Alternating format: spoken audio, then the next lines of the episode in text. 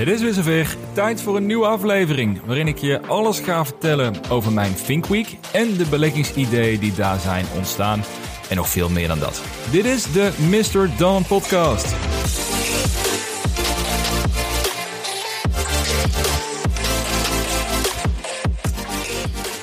Welkom bij weer een aflevering van de Mr. Dan Podcast, waar ik jou wekelijks hoop te vermaken en inspireren voor het beleggen in groeiaandelen. Mijn naam is Jasper en in deze aflevering gaan we het hebben over de volgende drie onderwerpen. Ik wil met jullie stilstaan bij de Think Week van de afgelopen week. Ik ben een, eh, een paar dagen heb ik in een, eh, een hutje gezeten in Zeeland om een aantal thema's over na te denken. Uh, ik zal zo vertellen wat het inhoudt. En daar zijn ook een aantal learnings uitgekomen, een aantal inzichten voor het beleggingsportfolio. En ook een paar kansen, denk ik, maar heel interessant is om naar te gaan kijken. Dus daar gaan we zo meteen uitgebreid mee starten. Daarna wil ik het hebben over de Goed Nieuws Show van Canoe in de afgelopen week. En ik zal vertellen wat daar aan de hand is, waardoor de koers ruim verdubbeld is in twee weken tijd. Uh, maar ook nog steeds meer redenen waarom ik nog steeds bij een aandeel zoals Canoe blijf. Ondanks dat het best lastig is geweest om dat vast te houden. Dat uh, kan ik best wel toegeven. En als sluitend hebben we het portfolio van Matthijs. En dat is denk ik heel interessant, omdat hij met name ook zit in ETF's. En dat is een trend die ik de laatste maanden of de laatste weken sowieso steeds meer zie opkomen dat beleggers toch wel een beetje geschrokken zijn van hoe snel de beurs kan dalen in de afgelopen periode. En hoeveel geld je dus kunt verliezen in zo'n tijd. Uh, en wat ook dus veel overstap zien naar, naar ETF's. Nou, ik denk dat daar het portfolio van Matthijs een heel mooi voorbeeld is om daar uh, concreet naar te kijken wat dat dan inhoudt. Allereerst nog een dankjewel aan Filias, de nieuwste vriend van de show. Al een paar weken geleden, maar jullie weten het, we hebben er een paar weken uitgelegen voor uh, vakantie te vieren. En even bij te komen van het pessimisme wat er heerst op de beurs. Um, dus Filias, nogmaals, dankjewel. En voor de vrienden van de show, de aflevering over Roblox-analyse, die komt uh, zeer binnenkort. Het heeft wat langer geduurd dan ik had voorspeld en had, had verwacht. Maar het gaat helemaal goed komen. En daarnaast heb ik nog een verzoekje aan de vaste luisteraars. ik ben namelijk benieuwd wat jullie ervan vinden. En ik ben benieuwd waar het beter kan. Dus als jij je mening wilt geven hierover, heel graag aan mij. Je, je suggesties wilt delen of in ieder geval laat weten wat je ervan vindt. Uh, dat zal mij ontzettend helpen. Dat kan via mrdon.nl slash poll. En ik zal zorgen dat de link ook in de show notes komt te staan, zodat je het makkelijk kan invullen. Het zijn maar acht vragen, maar het zorgt er wel voor dat ik gewoon een, uh, voor dit seizoen, ik noemde het even seizoen 3, uh, ook al werk ik niet echt met seizoen eigenlijk, maar um, in ieder geval voor de komende periode beter inzicht krijgen hoe ik de podcast weer kan verbeteren. Dus help me, help you zou ik zeggen. En afsluiten natuurlijk voordat we echt van start gaan de gebruikelijke disclaimer, want dit is geen financieel advies. Doe altijd je eigen onderzoek en beleg alleen met geld dat je voor een langere tijd kunt missen. We gaan starten met het eerste punt van deze week en dat is de Think Week. De afgelopen week, ik zei het al, ik zat uh, op een hutje in Zeeland. Of een, een, hutje, het was eigenlijk bijna bij, uh, bij mensen achter in een Airbnb in een klein huisje. Waarbij ik echt een paar dagen de tijd genomen heb om op een aantal punten te reflecteren. Want wat is nou eigenlijk een Think Week? Een Think Week is eigenlijk wat, het, uh, wat de naam al zegt. Je hebt een week lang neem je de tijd om echt een paar punten heel goed te, uh, over na te denken of te kunnen bestuderen. Dat is iets wat populair gemaakt is door Bill Gates met name. Hij doet dat ook twee keer per jaar. En dat doet hij om ook na te kunnen denken over bepaalde onderwerpen. Om even weg te zijn van de beslissingen die hij destijds moest maken continu bij Microsoft. Het idee is dat je een, een rustige locatie opzoekt dat je een paar boeken meeneemt en een paar onderwerpen bespreekt of een paar onderwerpen uitlegt van tevoren waar je, het, uh, waar je een antwoord op wil vinden of waar je het over wil gaan nadenken. En het idee erachter is dat je dan eindelijk een moment hebt waarmee je zonder prikkels na kunt denken over die thema's. Nou, dat heeft onder meer gezorgd ervoor dat Microsoft eigenlijk mij sinds begin 2000 de volledige focus heeft gelegd op het internet. Uh, er is een hele interessante brief die Bill Gates uitgebracht heeft die ontstaan is na zijn Think Week. Uh, waarbij eigenlijk aangegeven wordt aan zijn hele managementteam dat alle productontwikkelingen die er binnen Microsoft plaatsvinden, dat die te maken moeten hebben met het internet, omdat hij daar de potentie voor zag. En het is eigenlijk wel grappig, want als je, ik raad echt wel aan om die brief even te lezen. Ik zal hem proberen in de show notes te zetten. Ik ga hem zo even opzoeken naar deze aflevering.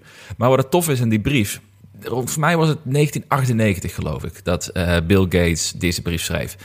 En in die periode, toen gebruikten mensen gemiddeld 30 minuten per dag het internet. Je moest nog inbellen daarvoor. Het internet was traag en het werd eigenlijk met name gebruikt voor e-mail. En het interessante is, als je dus die brief leest, zie je eigenlijk dat de puristen van die tijd, die eh, veel met het internet bezig waren, en die dachten eigenlijk, ja, dit is gewoon wat het internet moet zijn. Een simpel protocol om e-mails te kunnen versturen. Het moet niet te ingewikkeld worden. Uh, er was ook een periode waarbij er ontwikkeld werd aan bijvoorbeeld Flash en meer dynamische vormen van het internet. Waarbij de puristen zeiden van ja, dit is niet waar internet voor bedoeld is. Dus het is eigenlijk wel heel interessant als je daar nu gaat lezen hoe dat toen gekeken werd in het internet en wat het nu geworden is. En ook met name waarom Bill Gates het op dat moment zo belangrijk vond om alle focus te leggen op het internet. Ja, dat geeft heel veel perspectief.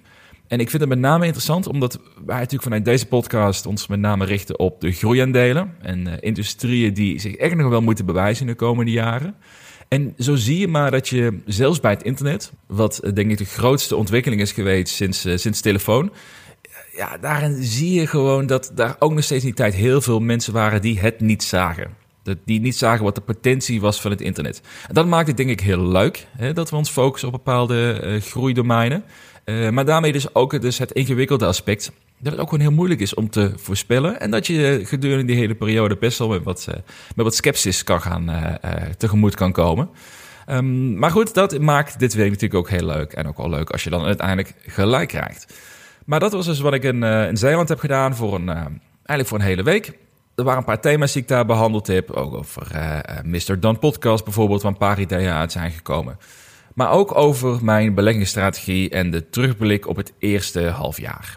En ik heb gekeken naar hoe, hoe ging het het eerste halfjaar, maar ik heb ook gekeken vooral naar het portfolio meer op macroniveau. Dus ik ben niet gaan kijken naar individuele aandelen die ik interessant vond, maar ik ben wel gaan kijken naar sectoren. Dus ik heb gekeken meer op macroniveau naar welke trends en welke industrieën schieten er nou echt uit. Welke, welke ontwikkelingen zijn er die de komende jaren echt heel belangrijk gaan worden en die investeerbaar zijn. Want dat is denk ik een, een hele belangrijke nuance. Dus wat heb ik gedaan? Ik heb gekeken naar 30 industrieën, 30 emerging technologies.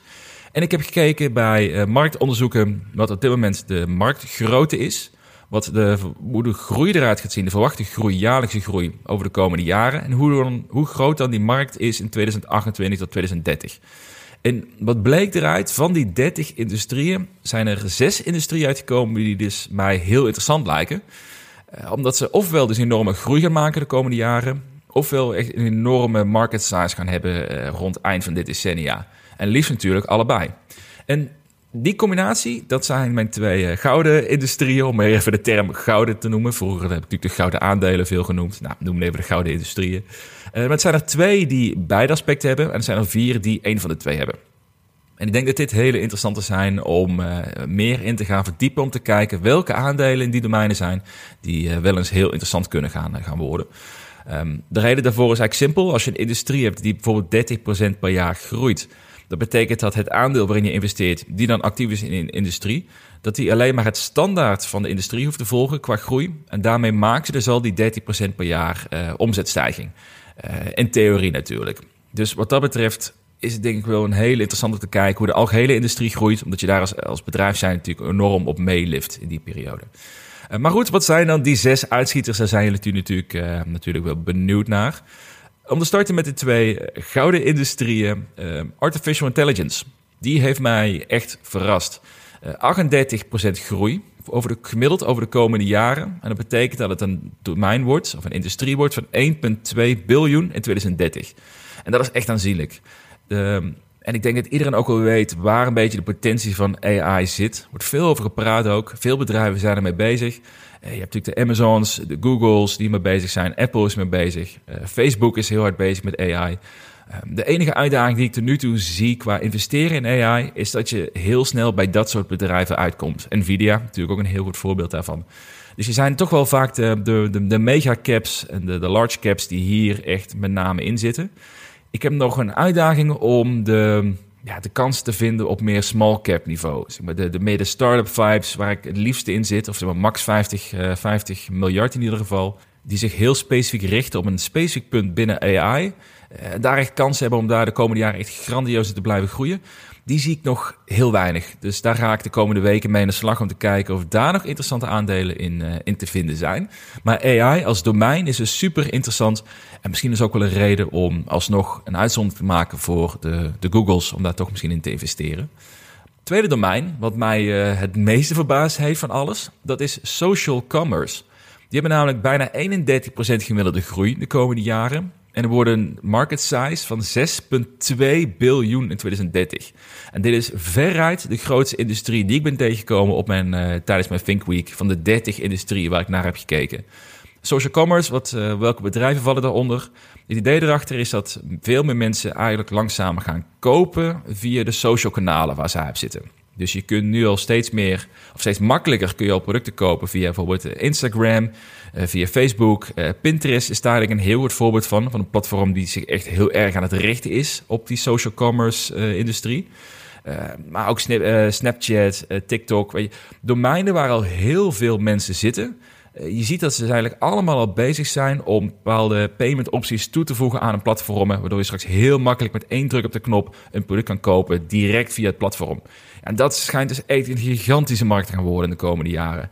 Dat is ook een van de redenen waarom ik nog steeds heel veel geloof, of heel hard geloof eigenlijk, in, uh, in Pinterest. Afgelopen week ook interessant. Er is een, eh, een, een, activistische belegger is daarin ingestapt voor een positie van 9%. Uh, waardoor de, het aandeel ook wel 15% gestegen is in, op een dag. Maar het, ik denk nog steeds, als je kijkt naar bijvoorbeeld specifiek een Pinterest, wat daar de potentie van is. Als uiteindelijk die markt dus zo blijft groeien zoals men nu verwacht en als zij kunnen doorpakken op de ambities die ze hebben, dat je straks echt veel meer gaat kopen via het platform zelf, ja, dan wordt Pinterest echt een cash cow. En ik denk dat mensen dat nog steeds ontzettend onderschatten wat daar de potentie van is.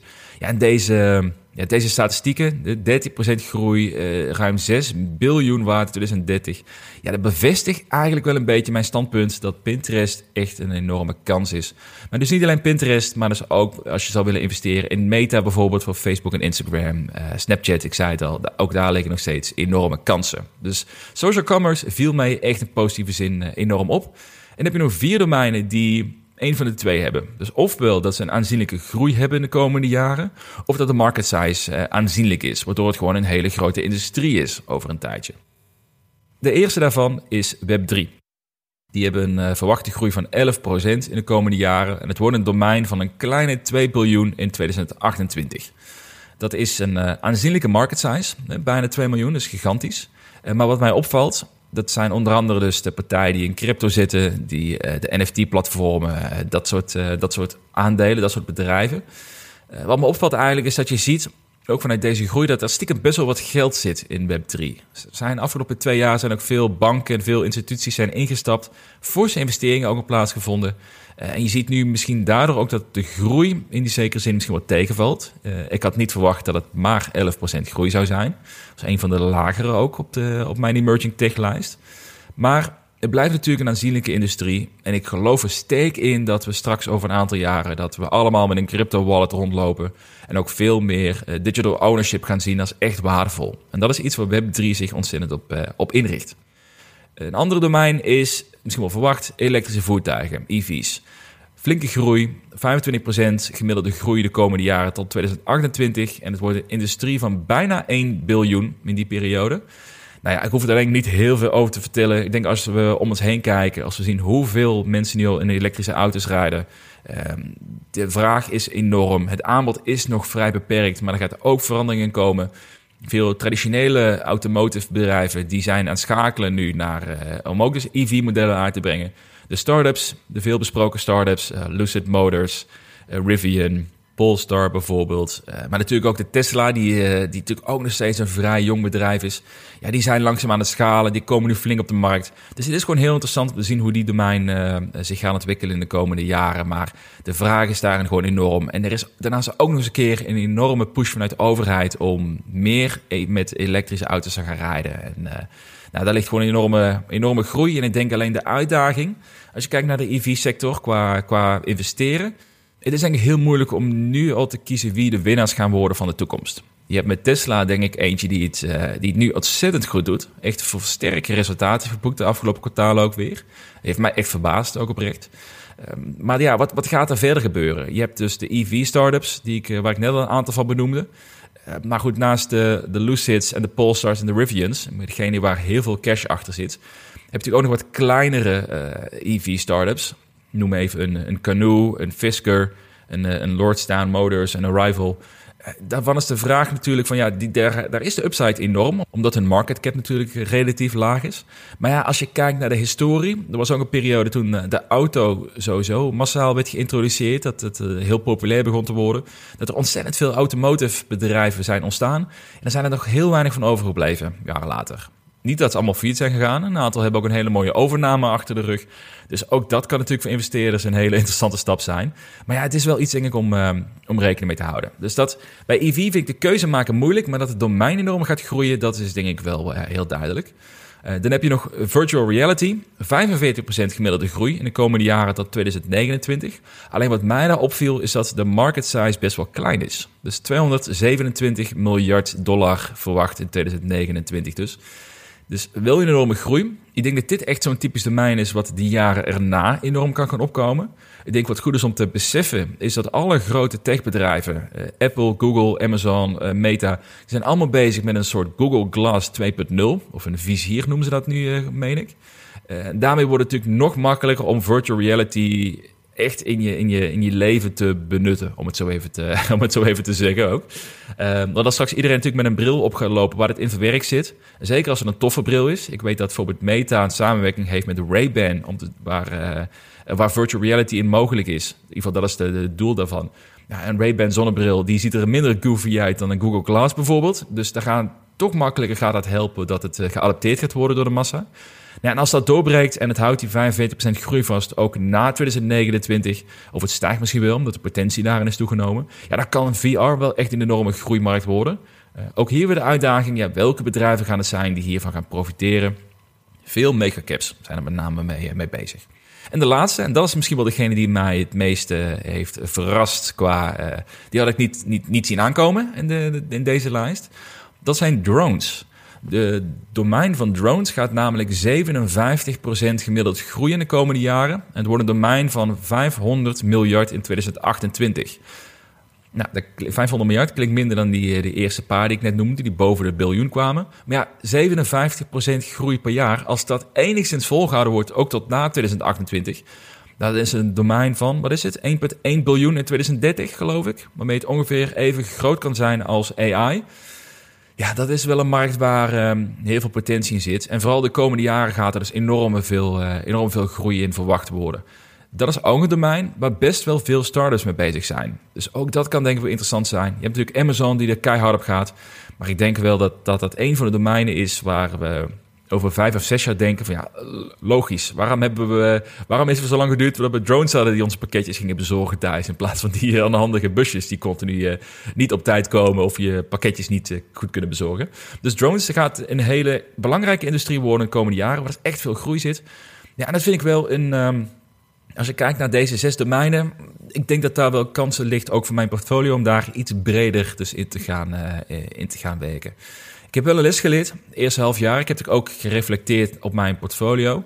En een van de belangrijkste lessen die ik heb geleerd, vooral als je dus investeert in groeiaandelen die, uh, en groeiindustrie die even nog een paar jaar te gaan hebben, dat is de zogenaamde Gartner Hype Cycle. En wat de Gartner Hype Cycle eigenlijk uitbeeldt, is dat je ziet bij, bij heel veel nieuwe technologieën, het begint eigenlijk bij een enorme hype. Het is uh, in de beginfase is enorme zichtbaarheid, uh, hoge verwachtingen. Uh, iedereen denkt dat dit de wereld echt grandioos kan gaan veranderen, deze nieuwe technologie. Maar als je eenmaal ermee bezig bent, blijkt dat die technologie nog lang niet zo ver is. En dat eigenlijk nog veel jaren nodig heeft om echt functioneel te zijn en om schaalbaar te worden. En dat is iets waarna een fase volgt waarbij de verwachtingen en de realiteit ja, toch meer in lijn met elkaar gaan lopen. En dat dan uh, de technologie langzaam geadapteerd wordt. Maar dat is een periode van een paar jaar. En je ziet vooral als die hypefase, als die eenmaal voorbij is... en mensen worden zich bewust van de realiteit dat het langer gaat duren... dat zie je dus ook bij aandelen... Ja, dan zie je toch opeens dat de hele aandacht ervoor... en dus ook vaak de waarderingen van die bedrijven enorm teruglopen. Ik denk voorbeelden daarvan zijn de afgelopen jaren geweest... in de blockchain-technologie en in 3D-printing. Uh, beide werden zo'n vijf à tien jaar geleden gezien echt als baanbrekende technologieën die echt de wereld zouden gaan veranderen. Maar het is nu pas langzaam dat beide een beetje beginnen door te breken, omdat het functioneel nut duidelijker wordt. En natuurlijk de technologie zodanig zich heeft ontwikkeld dat het nu wel opeens schaalbaar is en daadwerkelijk toegevoegde waarde heeft. Zoals je met 3D-printing ook, ook kan zien, is dat het nu eindelijk, en het heeft dus heel lang geduurd, is dat je met 3D-printing nu eindelijk de kans hebt om goedkoper massaal te produceren. En dat is iets wat uh, echt pas nu pas mogelijk is en waarschijnlijk ook de komende jaren nodig gaat hebben om echt schaalbaar te worden. Maar ja, 3D-printing was een paar jaar geleden ook heel hot op de, op de beurs. Maar dat hebben we wel gemerkt. Degenen die daarin geïnvesteerd hebben, die uh, zijn denk ik nog steeds niet break-even. Dus dat is iets waar ik zelf in ieder geval nu wel besef. Ja, daar moet meer op gelet worden als je gaat investeren in dit soort domeinen. Voorbeelden daarvan namelijk van industrie die in mijn ogen nu heel erg nog gebaseerd zijn op hype. Uh, dat zijn onder andere quantum computing. Veel over gelezen de laatste maanden. Ook veel filmpjes van gekregen van, uh, van vrienden en bekenden die zeiden... Ja, hier moet je iets mee doen, hier moet je eigenlijk ook in willen beleggen. Ion Q is een aandeel die daar druk mee bezig is. Maar voordat dat praktisch gaat worden, zijn we ook weer zeker acht tot tien jaar verder. En dat is een domein in mijn ogen wat nog wel eens heel hard kan gaan, kan gaan klappen in de komende jaren op de beurs. Omdat de waarderingen gewoon nog te hoog zijn en het, de hype gewoon simpelweg te hoog is rondom dat domein. Ander voorbeeld, iets minder mijn domein, maar ik denk dat, er veel, dat daar de hype iets te hoog is voor dat betekent. Uh, DNA sequencing. Dus het aanpassen van DNA, waardoor je bijvoorbeeld mensen al met uh, in kinderfases al bepaalde cellen kan aanpassen of kan verwijderen, waardoor ze minder kans hebben op bepaalde, bepaalde ziektes. Uh, nou ja, dat klinkt allemaal heel eng. Ik denk dat dat met name dat technologie dat het wel kan, steeds meer tegenwoordig. Alleen vraag me af of we moreel al klaar zijn voor dit soort dingetjes. En dat gaat echt nog heel veel jaren kosten, verwacht ik, voordat dit echt in de praktijk gebracht kan gaan worden. En dat ja, de mensen echt kunnen gaan werken met DNA sequencing. Omdat, het, omdat ik denk dat de overheid hier uh, heel wat van gaat vinden. En ook heel veel uh, lobby's gaan zijn over uh, ja, deze vorm van aanpassen van je levenskwaliteit. Laat ik het zo even noemen. Ik denk dat dat nog heel veel haken en ogen in zich heeft. En als laatste, en dat is misschien een beetje onverwacht vanuit mijn, vanuit mijn mond, omdat ik er druk mee bezig ben. Maar dat is de metaverse. Ook dit merk ik echt. Het is heel veel potentie. Heel veel mensen zijn ermee bezig. Heel veel slimme mensen zijn ermee bezig. Maar als ik iemand vraagt over wat is nou de metaverse, krijg ik eigenlijk honderd verschillende antwoorden. Niemand weet nog echt wat het is. Niemand weet nog echt wat het, wat het gaat toevoegen in onze nieuwe, nieuwe maatschappij. Ja, dit, is denk ik nog, dit gaat denk ik echt een, een lange adem hebben voordat we daar echt concreet aan bedrijven in gaan vinden die hier eens aan toevoegen. Of uh, ja, dat het echt schaalbaar wordt en dat we weer het netwerkeffect gaan, gaan merken. Dat veel mensen in de metaverse zitten en dat we eigenlijk niet meer zonder kunnen. Dit is wat mij betreft echt een heel specifiek domein die in de beginfase zit van die Garner hype cycle. Dus startups die nu zitten in de metaverse, daar blijf ik nu in ieder geval nog ver vanaf. Zelfs met quantum computing en ook met DNA sequencing. Uh, dat zijn dingen waar ik denk waar de, ja, de, de realiteit nog ver achterloopt bij de perceptie van wat ze kunnen. Nou, als laatste bij de Think Week heb ik dus ook nagedacht over het, het afgelopen half jaar. En als je kijkt naar het portfolio, mijn aandelen zijn ruim 37% dit jaar gedaald. Nou, dat is niet, uh, dat is niet fantastisch. uh, maar ik denk dat het uh, over het algemeen dat heel veel mensen natuurlijk wel merken dat het niet het beste jaar is voor beleggers tot nu toe. Ik heb nog het geluk erbij, dankzij Canoe de afgelopen week, dat juli uitstekend gaat. Dat heeft het redelijk nog kunnen compenseren, want ik stond eerst nog een heel stuk lager voor het begin van deze maand. Maar natuurlijk overal flink in de win. Dus wat dat betreft mag het hopelijk het tweede half jaar een stukje beter uitzien. Wel leuk is om te zien is dat mijn start-up investeringen, die doen het fantastisch. Dat is wel winst op papier, omdat het vaak niet liquide investeringen zijn. ik doe dat via bepaalde platforms, waar je al voor 100 euro zou kunnen investeren in startups. Maar ik heb ook een aantal angel investments, echt in, in Nederlandse startups, waar wat meer geld in zit. Maar dat, gaat natuurlijk pas geld opleveren en daar kan je pas mee bij een overname of bij een nieuwe equity ronde. Dus dat, dat zijn vaak dingen die drie tot acht jaar vaststaan, voordat je daar kan, van kan profiteren, als je daarvan kan profiteren. En inmiddels is het wel bijna 30% van mijn netto vermogen geworden. Dus daar moet ik even op de rem trappen dat dat niet te veel wordt. Want dat is, ja, wat ik zei, niet liquide. En dat is niet altijd handig. Zeker niet in een fase zoals deze. Waar wat mij betreft heel veel kansen liggen juist bij publieke bedrijven op de beurs. En dan heb ik nog het derde stukje, dat is crypto. Dat heb ik nu in een, eh, een verwaarloosbare positie. Ik heb wat Polygon, ik heb wat Ethereum, maar die gebruik ik eigenlijk met name om de wereld van Web3 te leren begrijpen. En met name Polygon is mijn favoriet. En die is in de afgelopen periode is die ruim verdubbeld vanaf de recente bodem. Toen uh, crypto even helemaal door de mangel ging. Dus ja, ook dat is wat mij betreft iets waar ik even mee ga wachten. Maar er steeds heel veel potentie in zie. Ik wil er graag 10% van mijn geld stoppen, misschien wel meer. Maar uh, ik denk dat daar nog meer dan genoeg kans gaan komen de komende jaren om daar uh, goedkoop te kunnen bijkopen. Maar goed, dat was dus even dingen dus die ik besproken heb of over nagedacht heb tijdens mijn, uh, tijdens mijn Think Week. Ik denk als je kijkt naar de Think Week aan zich, ja, het is echt een absolute aanrader.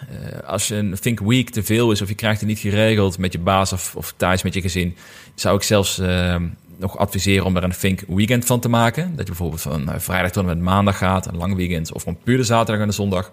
Maar ik merk wel dat je eigenlijk toch al minimaal drie dagen nodig hebt om hiervan te profiteren. De eerste dag dat je daar vol mee bezig bent, heb je vooral nodig om even uit, uh, uit te tunen. Uh, vooral niet te veel nadenken. Um, en vooral even te beseffen, ja, wat gaat, hoe gaan de komende dagen eruit zien? En pas dag 2, 3 en 4, dan pas ga je denk ik echt merken. Dan ga je pas echt in de bak. Uh, en ga je dingen opschrijven en ga je echt dingen bedenken en nadenken en leren. Dus dat, um, maar voor mij is een absolute aanrader gebleken. het is wel moeilijk. Voor mij was het de eerste keer, dus het, sommige dingen gingen ook niet goed. Veel te veel op Twitter geweest. Uh, hield mij ook bezig. Ga ik zo meteen meer over vertellen. Um, maar ja, ik denk wel echt een, een goede eerste, eerste testcase. Dus ik ga het zeker nog een keer herhalen. Als je kijkt naar portfolio, dus eerste half jaar vielen tegen qua resultaten. Maar wat mij wel blij maakt, is een bevestiging dat de strategie die ik gekozen heb, dat die goed bij me past. Dus het, ik heb redelijk makkelijk de depressieve aandelen van eh, Desktop Metal en Canoe hebben kunnen bijkopen. Uh, praktisch op de absolute bodem van ze. En daarnaast merk ik ook dat ik nu een portfolio heb die ik echt wil vasthouden en ook op kan uitbreiden. Dus ik had vorige week te denken van ja, zou ik nu uh, misschien nog wat gaan uh, optimaliseren? Zou ik misschien in Pinterest of zou ik misschien Coinbase verkopen? Dat ik die aandelen toch wat meer, of dat geld toch wat meer kan stoppen in Canoe en Desktop Metal, waar gewoon de upside op de korte termijn denk ik veel hoger mee is. Maar ik heb toch het gevoel dat ik daar helemaal geen zin in heb. Ik wil Pinterest en ik wil Coinbase helemaal niet verkopen. En dus dat betekent eindelijk voor de eerste keer echt in twee jaar tijd dat ik een portfolio heb waar ik uh, eigenlijk wel heel tevreden mee ben. En die ik gewoon niet wil gaan verkopen en waar ik gewoon op kan gaan uitbreiden. Dus dat is wel een lekker gevoel. Heeft me dus een flinke tijd gekost om daar, uh, om daar te komen. Dus ik heb er nu uh, vier aandelen. En misschien dat ik die de komende periodes iets kan gaan uitbreiden. Met misschien wel een aandeel in drones, misschien wel in artificial intelligence. want ik denk dat daar nog wel de grootste kansen liggen voor de komende periode omdat die ook wel redelijk in het middenpunt staan van die hype cycle. Dus hebben een initiële hype hebben ze gehad. Zeker bij AI is dat het geval. En nu beginnen we eindelijk te zien dat het uh, iets kan gaan bijdragen. Dus dat is denk ik heel interessant vanuit een investeerdersperspectief. Dus tot zover de Think Week. Dan is het tijd voor het, uh, het, tweede onderwerp. Best wel lang eigenlijk, hè? praten over de Think Week. Ik had het uh, gedacht dat die sneller zou zijn. Maar ik heb een verandering gemaakt in mijn podcast. Ik heb normaal gesproken had ik alles, had ik alles volledig uitgeschreven. Um, kostte me maar een uurtje of drie om alles uit te schrijven. Want je moet je voorstellen, het is ongeveer vier minuten podcast. Daar heb je één A4'tje voor nodig. Dat is eigenlijk wel uh, mooi hoe dat uitkomt. Dus ik moest al makkelijk, acht, negen pagina's moest ik typen van tevoren... voordat ik de podcast ging opnemen, voordat ik het kon gaan inspreken. Nou ja, ga maar eens acht of negen pagina's typen.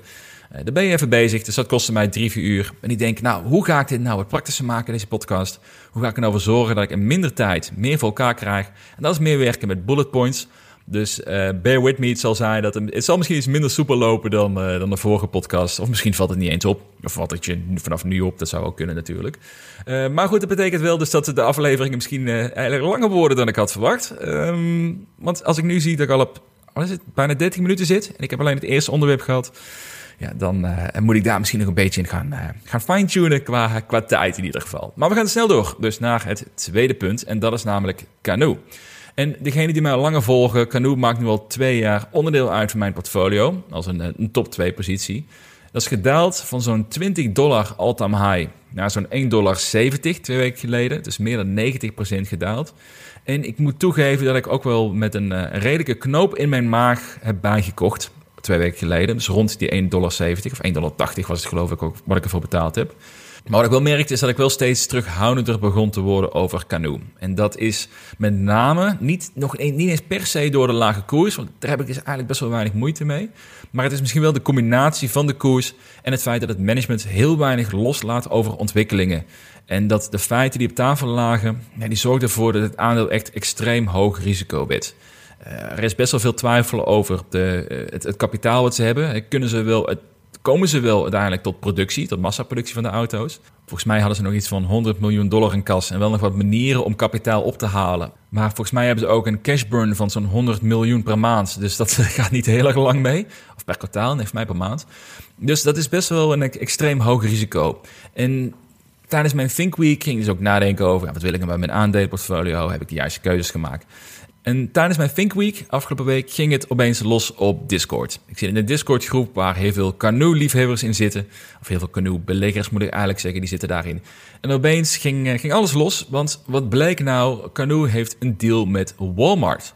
En dat is iets wat wel redelijk in de verwachting lag. Want niet voor niets heeft, het, uh, heeft Canoe het hoofdkantoor verplaatst naar Bentonville. En dat is traditioneel zeg maar, de, de, de regio van Walmart. En er wordt ook wel gezegd, als je daar business wilt doen in dat domein of in die regio, dan heb je eigenlijk een, een goedkeuring nodig van de Walmart-familie. Maar dat lag dus ergens in de lijn van verwachting. Maar het was al maandenlang waar we het speculeren over een deal tussen Walmart en Canoe. En eindelijk is het zover. En wat houdt die deal nou in? Uh, Walmart koopt 4.500 voertuigen. Levering daarvan in 2023, dus al volgend jaar. En ze hebben een upsell mogelijkheid naar 10.000 voertuigen. Dus dat is denk ik een ontzettende eh, vote of confidence vanuit de grootste retailer van Amerika. Dat zij uh, dit uitgeven. Dan moet je nadenken, dat is ongeveer dus tussen de 170 tot 350 miljoen dollar aan omzet die hier, die hier binnenkomt als we dit gaan leveren in het komende jaar. Dus met een market cap van Canoe van ongeveer 600 miljoen destijds is het bijna de helft van hun, van hun waardering is binnengehaald aan omzet met deze deal. Dus dat, geeft een beetje aan hoe groot de schaal is van deze overeenkomst. Maar wat daarnaast ook interessant is, is dat Walmart ook aandeelhouder wordt van Canoe. Ze hebben namelijk een warrants deal kunnen afdwingen. En ik noem het afdwingen omdat ik denk dat dit uh, vooral een hele goede deal is voor Walmart. En met deze deal kunnen zij namelijk 20% van Canoe in handen krijgen als zij minimaal 300 miljoen dollar gaan uh, aan omzet besteden in de komende, komende jaren. Dat kunnen zij doen door, dus wat ik zei, een warrants deal. Daarmee kunnen zij voor een koers van 2,15 dollar kunnen zij die aandelen kopen straks. Zodra dus die omzet is gemaakt, je hoort er wat geluiden over. Ja, is dat wel een, eh, een, een, goede deal voor Canoe? Ja, ik denk dat we ook eerlijk moeten zijn in dit geval. Ik, ik, ik ben zelf nog steeds bullish over, uh, over Canoe natuurlijk. Alleen je merkt ik wel dat Canoe heeft even die validatie nodig. En ze hebben het omzet nodig om, om tot productie te kunnen komen. En wat Walmart natuurlijk doet voor Canoe is, zij leveren een enorme validatie van het bedrijf. Uh, Canoe wordt er nu toe eigenlijk in hetzelfde rijtje gezet als Lordstown Motors, als Arrival, uh, als Fisker. Een beetje heel veel bedrijven van, waarbij mensen zeggen, ja, we moeten het nog wel zien of ze het gaan redden, of ze daadwerkelijk gaan leveren. En een deal met Walmart, dat is eigenlijk een, een heel groot uitroepteken naar de hele markt toe van jongens, wij weten dat Canoe het wel gaat redden.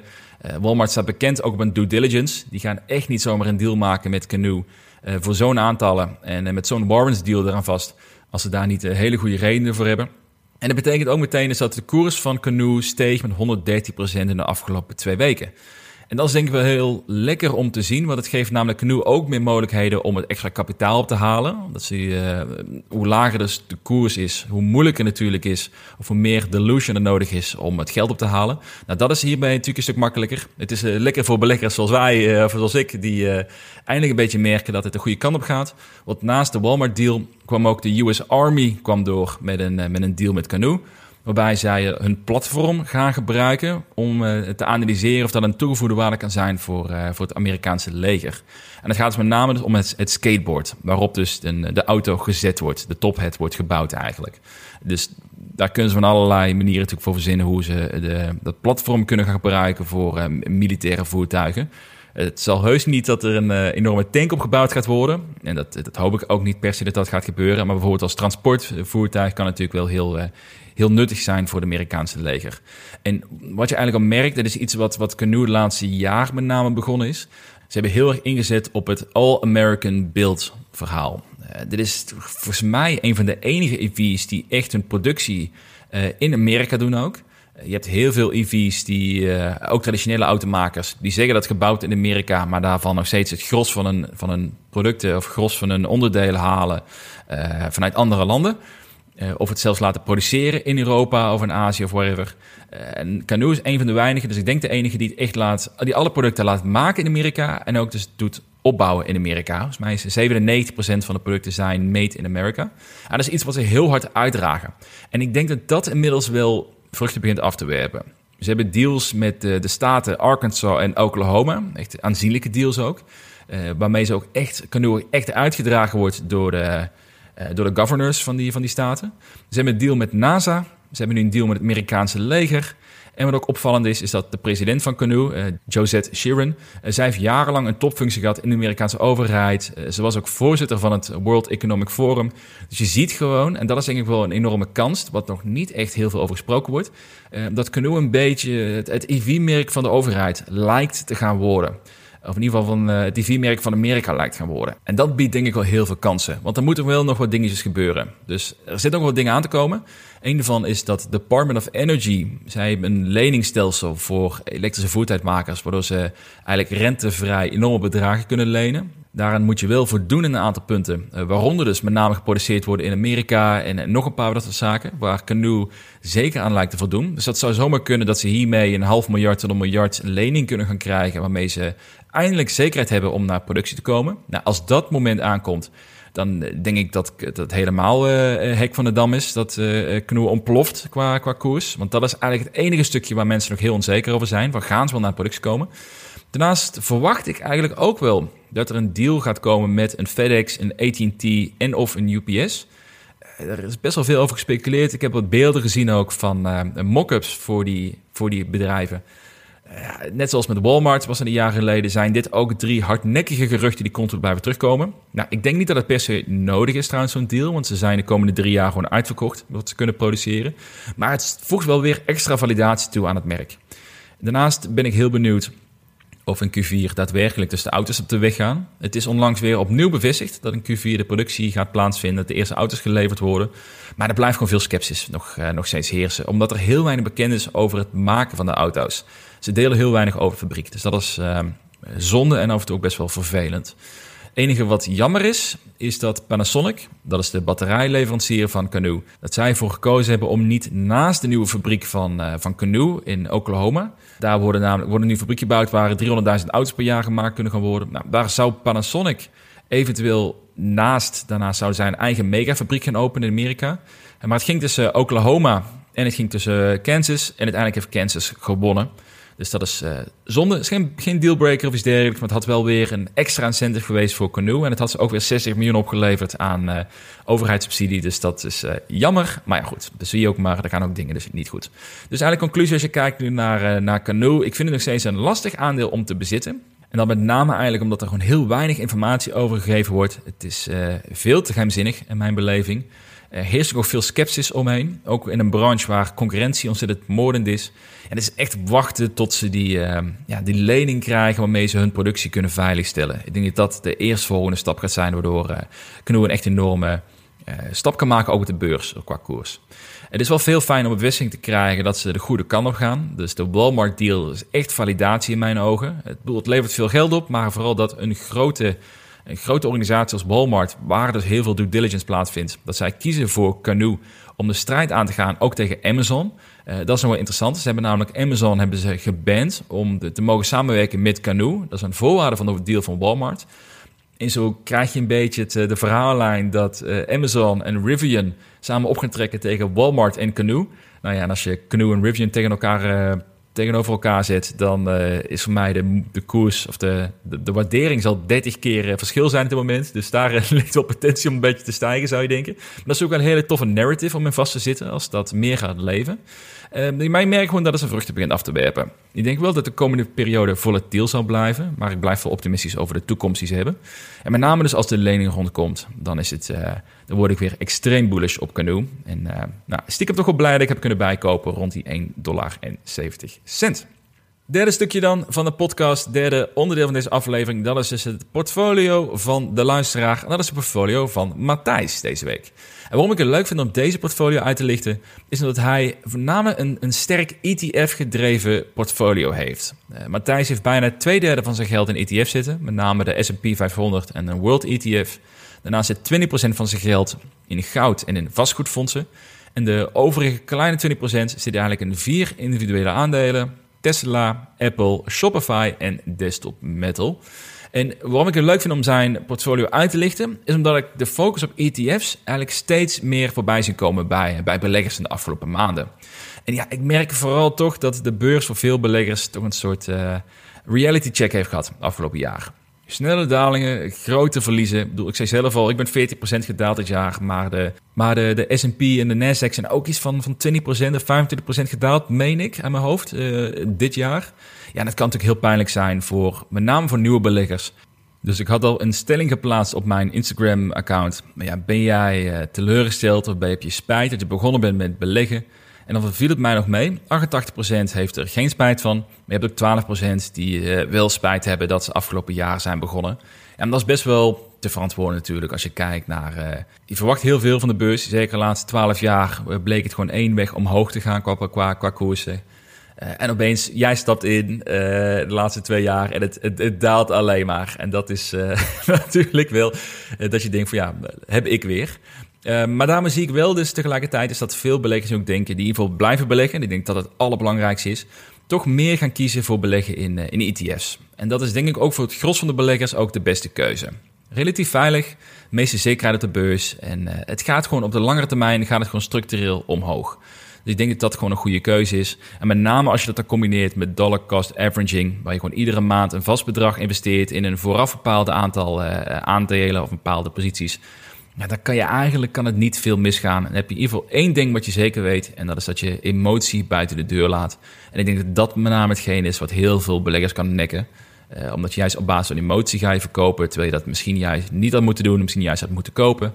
En dat gaat er makkelijker als je in een ETF zit dan dat je op individuele aandelen aan het, uh, aan het inzetten bent, waar je ook nog eens een keer niet alleen de markt hebt wat mee moet zitten, maar ook nog eens een keer echt moet verdiepen in wat het bedrijf doet. En ook heel veel sceptisch altijd heerst. Je hebt altijd mensen die um, voorstander zijn van aandelen, um, tegenstander zijn van aandelen. En als de koers opeens 20% daalt op een dag, dan kan al jouw, uh, jouw overtuiging kan, kan verdwenen raken. Nou, dat ga je niet zien bij een ETF. Dus wat dat betreft is dat denk ik een, uh, stiekem wel een goede ontwikkeling. In ieder geval meer een, voor langere termijn een meer stabiele ontwikkeling. Maar als we kijken naar de individuele aandelen, vind ik eigenlijk alle vier hele solide en sterke keuzes. Ik denk Tesla, zijn grootste positie met 6%, ja, die blijft mij echt verbazen. Ik vind het nog steeds een duur aandeel, maar dat vind ik het eigenlijk al, uh, al jaren. Maar ze doen het wel steeds beter en beter. Soms met een beetje creatief boekhouden. Volgens mij een jaar geleden maakten ze voor de eerste keer winst uh, met name door het rendement op Bitcoin. Nou ja, dat is, uh, zo, zo, kan je ook winst maken natuurlijk. Winst is winst. Uh, maar de afgelopen kwartalen zie je echt dat er enorme stijgingen in zit in het, het leveren van de auto's en de, de cashflow die ze aan het opbouwen zijn. Dus dat is knap en ik snap wel dat daar geïnvesteerd wordt. Zeker nu de koers wat teruggetrokken is ten opzichte van de all-time highs. Uh, Apple is natuurlijk een hele logische en meer stabiele keuze. Enorme cash cow, uh, met name een enorme trouwe fanbase. Ik denk dat dat wel iets is wat echt bijzonder is bij, uh, bij Apple. als je eenmaal Apple-producten hebt, dan is de kans groot dat je daar de rest van je leven zo wat bij blijft. en dat je om de twee jaar of om de jaar een nieuwe iPhone koopt. Um, het enige waar ik mij ja, een beetje sceptisch over ben zelf bij Apple... is dat ik merk dat hun innovatie een beetje eruit is. Ik bedoel, het is het zijn allemaal verbeteringen van het product die ze hadden. Maar ja, het zijn niet echt de, de, de nieuwe baanbrekende dingen waar ze mee bezig lijken te zijn. Er zijn wel wat geluiden dat ze met dus de nieuwe Google Glass bezig zijn. Uh, of de vizier, hoe je het ook wil noemen. Dat wordt denk ik een hele belangrijke voor Apple. Uh, de Apple Car wordt er steeds over gespeculeerd. Maar ja, dus de vraag is ook... Ik denk niet dat Apple een auto gaat uitbrengen, maar ik denk dat zij de software gaan produceren. Dat zij uh, gaan zorgen dat alle auto's aangesloten worden op een soort digitaal ecosysteem die Apple gaat bouwen. Dat lijkt mij eigenlijk het meest logische. Dus ook de dashboarding en dat soort zaken. Um, maar ja, verder zie ik niet heel veel gebeuren bij Apple. En dat stelt me een beetje teleur. Maar ja, enorme cash cow. Niet het duurste aandeel meer op dit moment als je kijkt naar price to earnings. Dus uh, gewoon een hele solide investering in mijn beleving. Uh, Shopify vind ik een hele mooie. Die domineren echt de, e-commerce suppliers market. Uh, Shopify zorgt ervoor dat je eigenlijk heel makkelijk je eigen e-commerce winkel kan opzetten. Of je eigen, je eigen digitale winkel kan opzetten. Super interessant, goed verdienmodel. ze zijn ook echt sterk op dat domein. Sterk aan het ontwikkelen ook. We zijn ook nu bezig om het Web3 aspect heel sterk te omarmen. Ze hebben nu ook een, bijvoorbeeld onlangs toegevoegd dat je een bepaalde NFT of een token moet houden. En dan kom je bij een afgesloten deel van een webshop. Nou, dat zijn dingen die nu misschien nog heel erg niche zijn en heel erg, ja, vooral nice to haves. Uh, maar het, vooral het feit dat ze daar nu al mee bezig zijn, dat geeft wel aan dat Shopify qua innovatie in ieder geval echt vooraan in de rij staat. Om te zorgen dat ze ook de marktleider blijven. Ik denk dat het een hele, uh, hele interessante markt is en een heel interessant domein met Shopify om daarin te investeren. Ook een duur aandeel trouwens. Maar uh, dat is ook de reden waarom ik er zelf nog ver vandaan ben gebleven. Maar ik denk wel dat dit zo'n typisch aandeel is. waar je een uitstekend bedrijf kan krijgen voor een goede prijs. en niet alles hoeft te goedkoop te zijn. En de laatste, Desktop Metal. Nou goed, dat is natuurlijk iemand die we, een aandeel die ik vaak benoemd heb bij deze podcast. mijn grootste holding, persoonlijk ook op dit moment. en in mijn ogen ook een grote kans hebben om echt toonaangevend te worden in 3D-printing. Ze zijn met zoveel dingen bezig. Is echt uh, verrassend uh, welke producten je allemaal kan 3D-printen tegenwoordig. ze hebben nu zelfs een vorm dat je stoelen voor een auto, zeg maar, de, de, de foam ervan, de schuim ervan, dat je dat kan 3D-printen. Nou ja, dan, dan, dan, dan, weet ik inmiddels niet meer wat je niet meer kan 3D-printen. Je kan zelfs tanden 3D-printen. En uiteindelijk, nou, ik weet niet waar ze heen gaan, maar er, daar gaat nog heel veel mee gebeuren de komende jaren. en ik denk dat dat een hele, hele interessante industrie is. Ik moet wel zeggen dat die groei, als je dus kijkt naar, eh, naar die top 30 emerging tech domeinen, waar ik in het begin van deze podcast over had, daarin is 3D-printing niet in die top 6 gekomen omdat de, het domein nog steeds relatief klein is tot 2000, 2030. Eh, maar het groeit wel gewoon ontzettend hard. Dus ik denk dat daar uh, met Desktop Metal dat je daar een mooie in hebt. maar verder zou ik ook kunnen denken aan een HP bijvoorbeeld, die ook heel druk bezig zijn met 3D-printing en een iets sterker merk hebben. Maar wel nog steeds de, ja, het nadeel hebben van de legacy, wat zij met zich meesleuren. Dus de de schulden, de pensioenen die ze moeten betalen, eh, dat soort zaken. Dus die, daarin kunnen zij misschien minder snel schalen dan een, eh, dan een desktop metal. Dus op zich interessant. Een uh, interessant portfolio. Goed denk ik dus dat je met, met name in ETF zit. Je hebt ook nog een positie in goud, zie ik, 10%. Forse positie trouwens, denk ik dat. Ik ben zelf niet zo heel fan van investeren in edelmetalen, omdat ik denk dat het echt meer een, een trading dingetje is. Maar nou goed, dat, daar heb je vast en zeker een goede reden voor. Um, dus dankjewel, Matthijs, voor het delen van je portfolio. En um, nou, misschien we hier bij de volgende aflevering een keer een portfolio gaan, uh, gaan bespreken. Ik had wat goed idee gekregen vanuit die poll, dus we gaan langzaam afsluiten. Uh, veel te lange aflevering voor wat het eigenlijk van plan was. Maar goed, dan uh, liever te lange aflevering dan te kort natuurlijk. Misschien een compensatie voor de, de laatste aflevering die ik geplaatst heb. Um, maar goed, ik heb wel dus jullie hulp nodig. Vul dus alsjeblieft die poll in mrdon.nl slash poll of kijk naar de show notes waar die in staat. En dan, ik ben gewoon heel benieuwd wat jullie ervan vinden en waar het beter kan en welke ideeën er zijn. Ik heb ook een paar ideeën erin staan in de poll, waar ik denk hoe ik deze podcast nog kan verbeteren. En uh, ik ben benieuwd of jullie dat ook vinden. Maar ja, daarmee zijn we dus wel aan het einde gekomen van deze aflevering. Ik noem het even het start van seizoen 3. Ik hoop dat je het een leuke aflevering vond. Zoals ik zei, deze keer doe ik dus iets meer uit het hoofd in plaats van een volledige script. Dus bear with me. Ik zal vast wel weer eens beter worden in de komende tijd. Maar mocht het af en toe een beetje een, een, een rare woordkeuze zijn, dan weet je waardoor dat komt. Uh, maar ik hoop dus vooral dat dit is een leuke aflevering voor je was van Spontaner. Deel het vooral met je vrienden die ook interesse hebben om te starten met beleggen of die juist groeiaandelen heel interessant zouden kunnen gaan vinden. Uh, abonneer jezelf via Spotify of via de Apple Podcast. Je kunt ook een score en een review achterlaten. En je kunt me volgen op Twitter via Mr. NL voor dagelijkse updates. Tot de volgende week. En zoals altijd, dankjewel voor het luisteren.